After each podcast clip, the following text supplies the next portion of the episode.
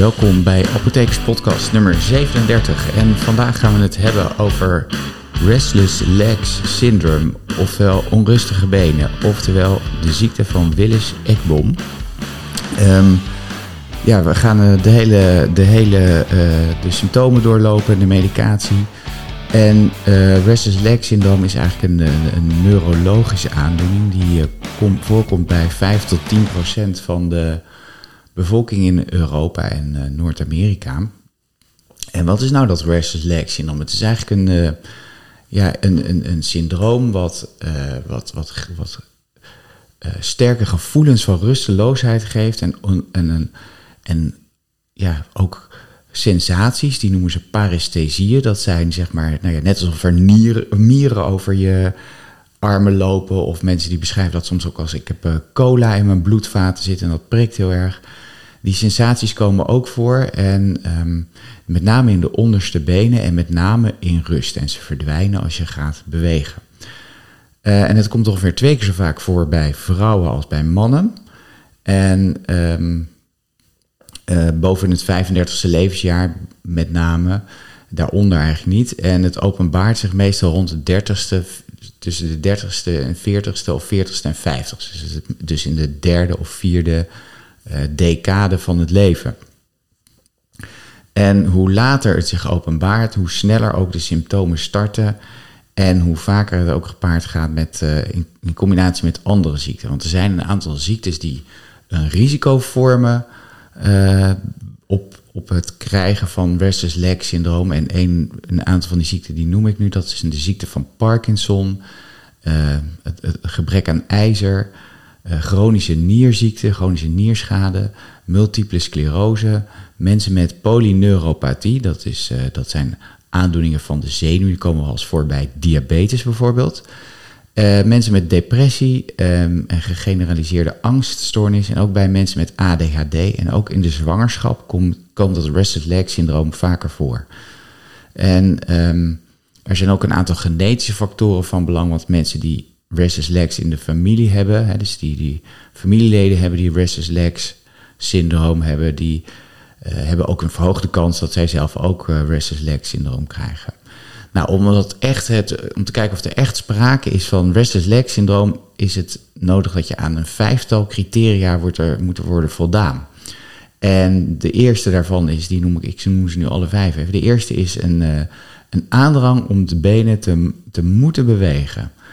Um, en dat wordt uh, soms, maar niet altijd, veroorzaakt door onprettige sensaties die je voelt in die, in die benen. Dat kunnen die paresthesieën zijn.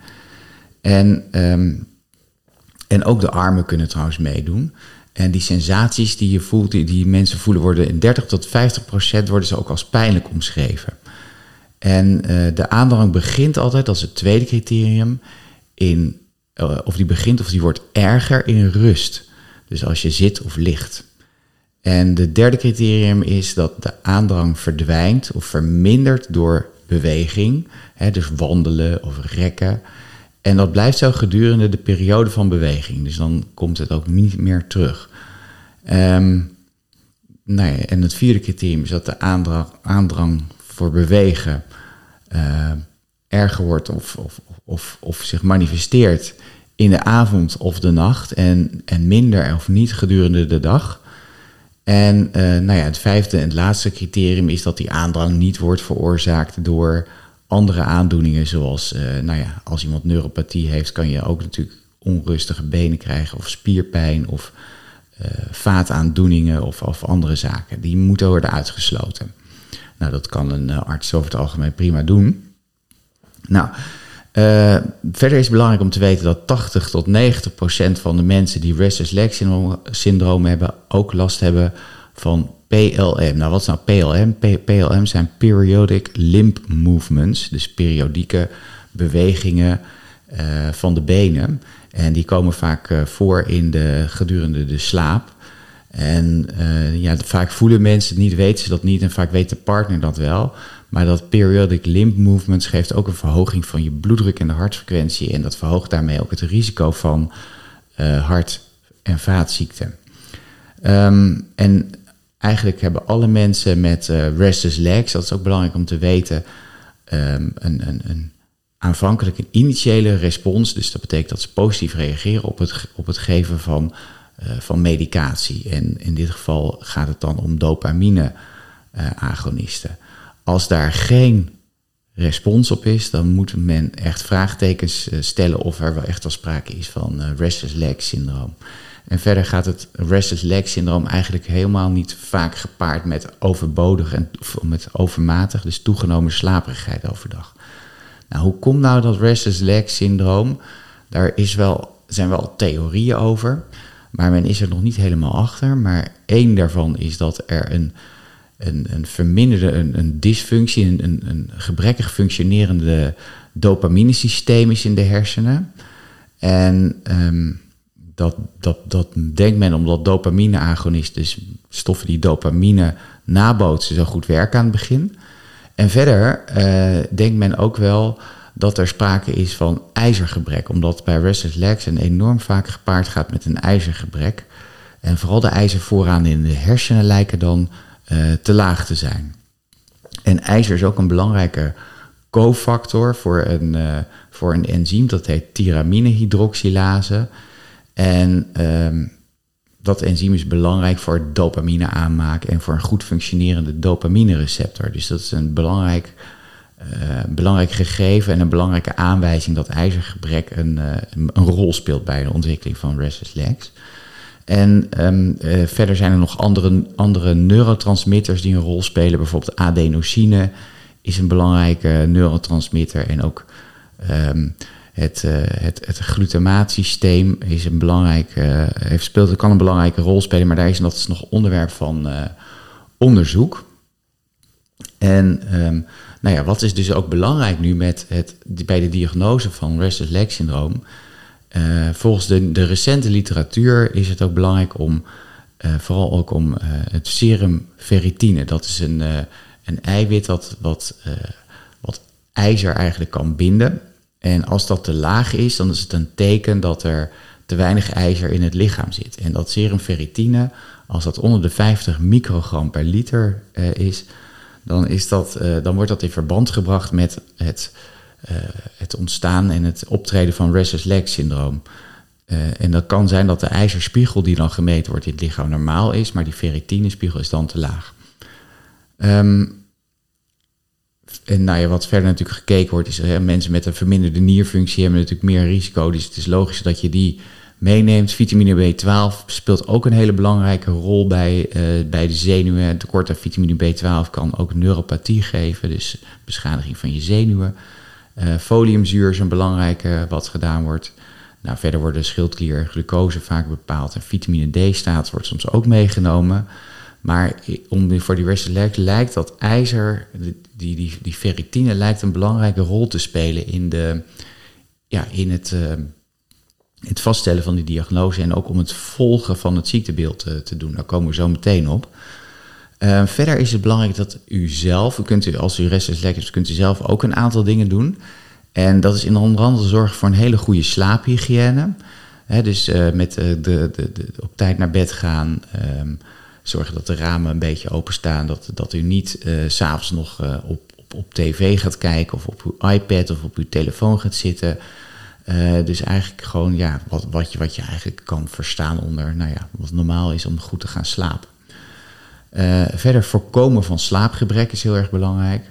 Het gebruik van cafeïne vermijden of eigenlijk helemaal niet doen. Dus geen koffie drinken.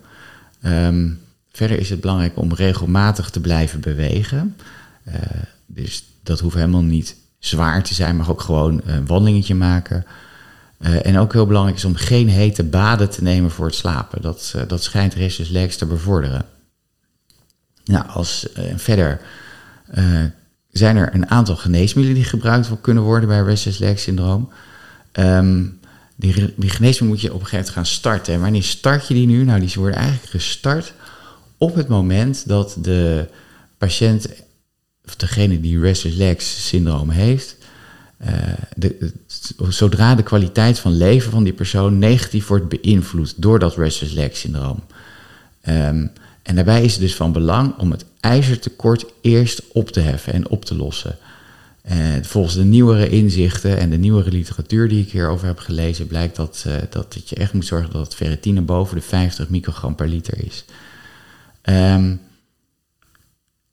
en um, verder is het belangrijk om een aantal geneesmiddelen die mogelijk restless kunnen verergeren, om die te vermijden. En dat kunnen zijn bepaalde antihistaminica. Uh, dus dat zijn geneesmiddelen die gebruikt worden bij allerg allergieën. Um, bepaalde uh, dopamine-antagonisten, met name zoals haloperidol bijvoorbeeld, kan dat uh, geven. is ook logisch, omdat je bij uh, restless syndroom ook dopamine-agonisten gaat geven. Metoclopramide is ook eigenlijk een dopamine-antagonist. Bepaalde antidepressiva, SSRI's bijvoorbeeld, worden, worden niet aangeraden. Uh, en, en, een voordeel is dat bijvoorbeeld bupropion, dat is een antidepressivum waar we het in de, de apothekerspodcast ook wel vaker over gehad hebben, wat uh, juist dopamine stimuleert. Dus dat is eentje die je juist wel zou kunnen gebruiken bij mensen die een restless leg syndroom hebben en bijvoorbeeld uh, toch depressie hebben.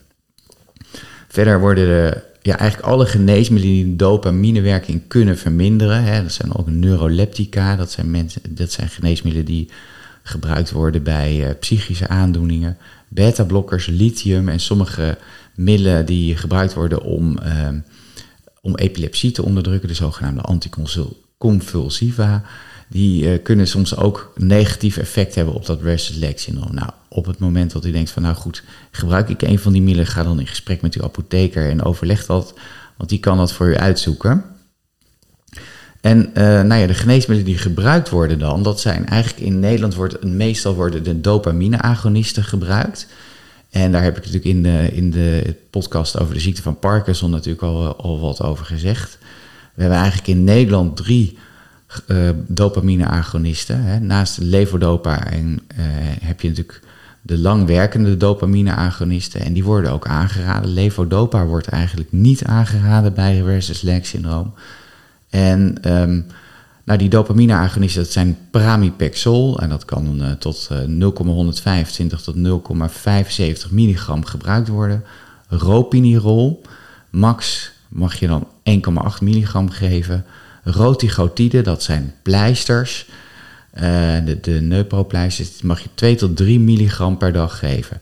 En um, het gekke is dat die dopamine-agonisten eigenlijk onderzocht zijn gedurende de periode van een jaar in onderzoek. Het is eigenlijk het effect langer dan een jaar zou je eigenlijk niet moeten gebruiken. Maar dat wordt wel gedaan. En daar komen we zo meteen nog op terug of dat nou slim of niet slim is. Um, die, die, die dopamine-agonisten kunnen als bijwerkingen misselijkheid geven, soms hoofdpijn, soms slaperigheid. En heel belangrijk is ook, en dat is goed als u, als u bijvoorbeeld een uh, syndroom heeft, om, om dan uw partner goed op de hoogte te stellen, als u de partner heeft tenminste, of andere mensen in de omgeving, dat er mogelijkheid is op een impulscontrolestoornis. Ook daar ben ik in de podcast over ziekte van Parkinson over ingegaan.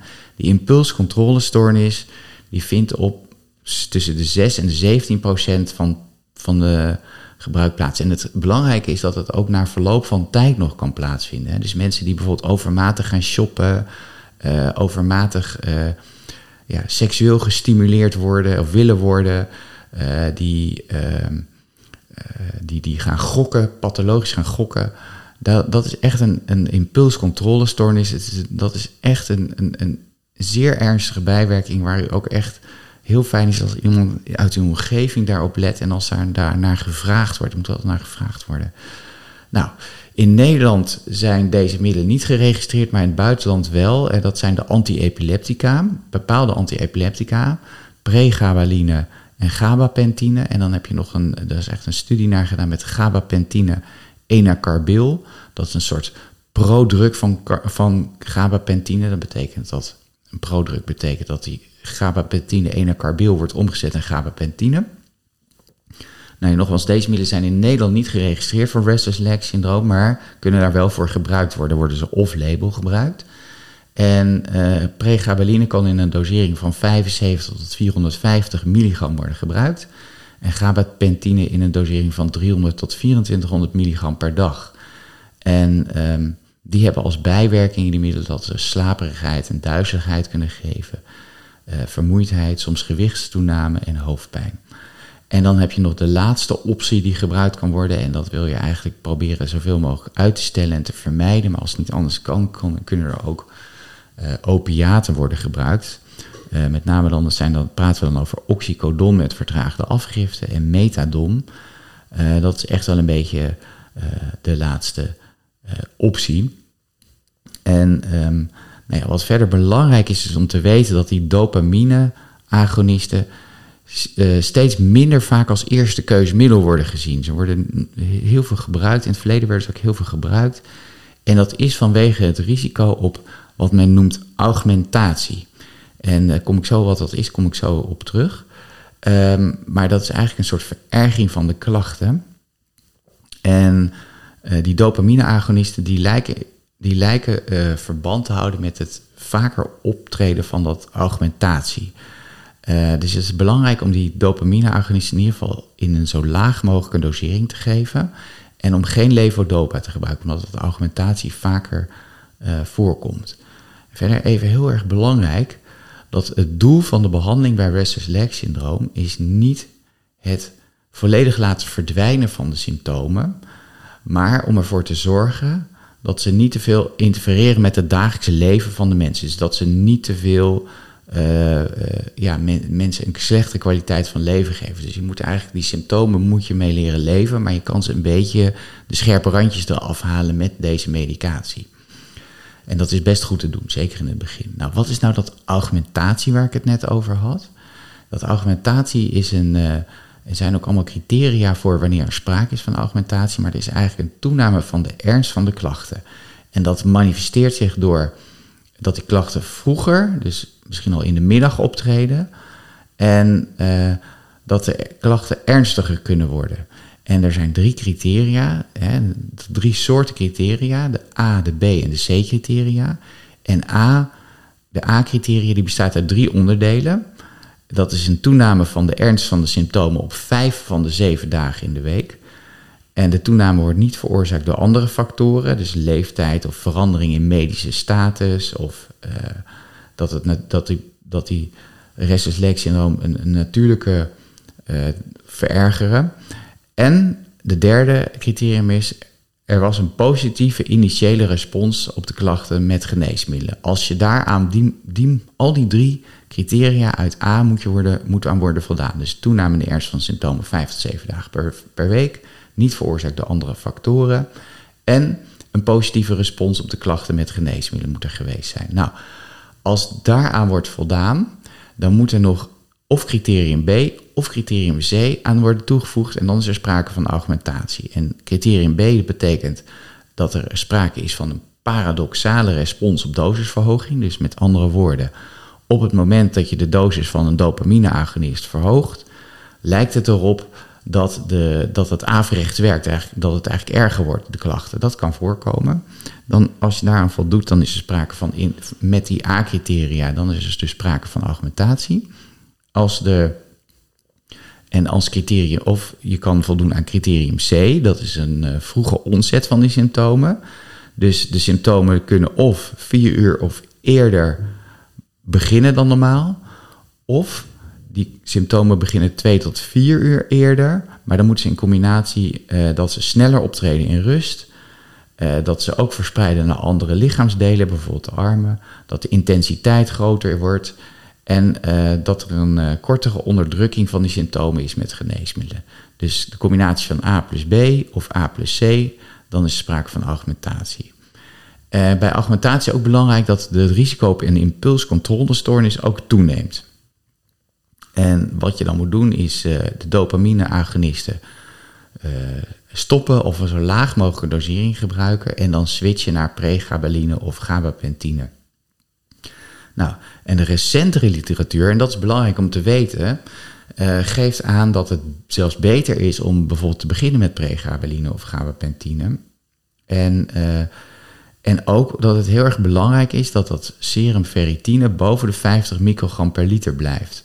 De nieuwe literatuur is daar heel erg, heel erg duidelijk over en die zegt je moet echt zorgen dat je die, die ijzerparameters, zoals dat dan heet, dat je die goed op orde houdt. Nou, en dan is er nog de mogelijkheid om een combinatie te gebruiken van dopamine-agonisten en zo pregabaline of gabapentine.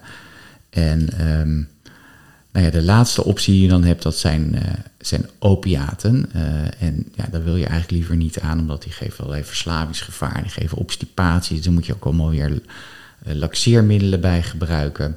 Dus dat is niet, een, niet, het he, he, niet heel erg fijn. Um, nou, er zijn verder nog wat nieuwe ontwikkelingen die optreden. En die nieuwe ontwikkelingen die, die, die zijn onder andere middelen die de AMPA-receptor um, blokkeren. En dat, dat heeft te maken met die andere neurotransmitters, en het glutamaat. En dan heb je ook nog de adenosine-route die bepaald wordt, maar dat is onderwerp van verder onderzoek. En daarbij speelt het middel dipyridamol, wat eigenlijk ook gebruikt wordt als, als plaatjesremmer. En daar heb ik in, het, in de podcast over het hartinfarct nog wel over gesproken. Um, wordt, dat, wordt daar um, die, die lijken ook een rol te spelen in de in restless leg syndroom. Nou, en daarmee hebben we eigenlijk denk ik alles over restless leg syndroom wat ik u wilde vertellen behandeld. Uh, ik hoop dat u het een uh, leuke uitzending vond weer. En ik, uh, als u het leuk vond, dan hoop ik dat u het doorvertelt aan uw vrienden en, en kennissen. En dat u volgende week weer luistert. Mijn naam is Harm Geers en ik ben openbaar apotheker. En tot de volgende week.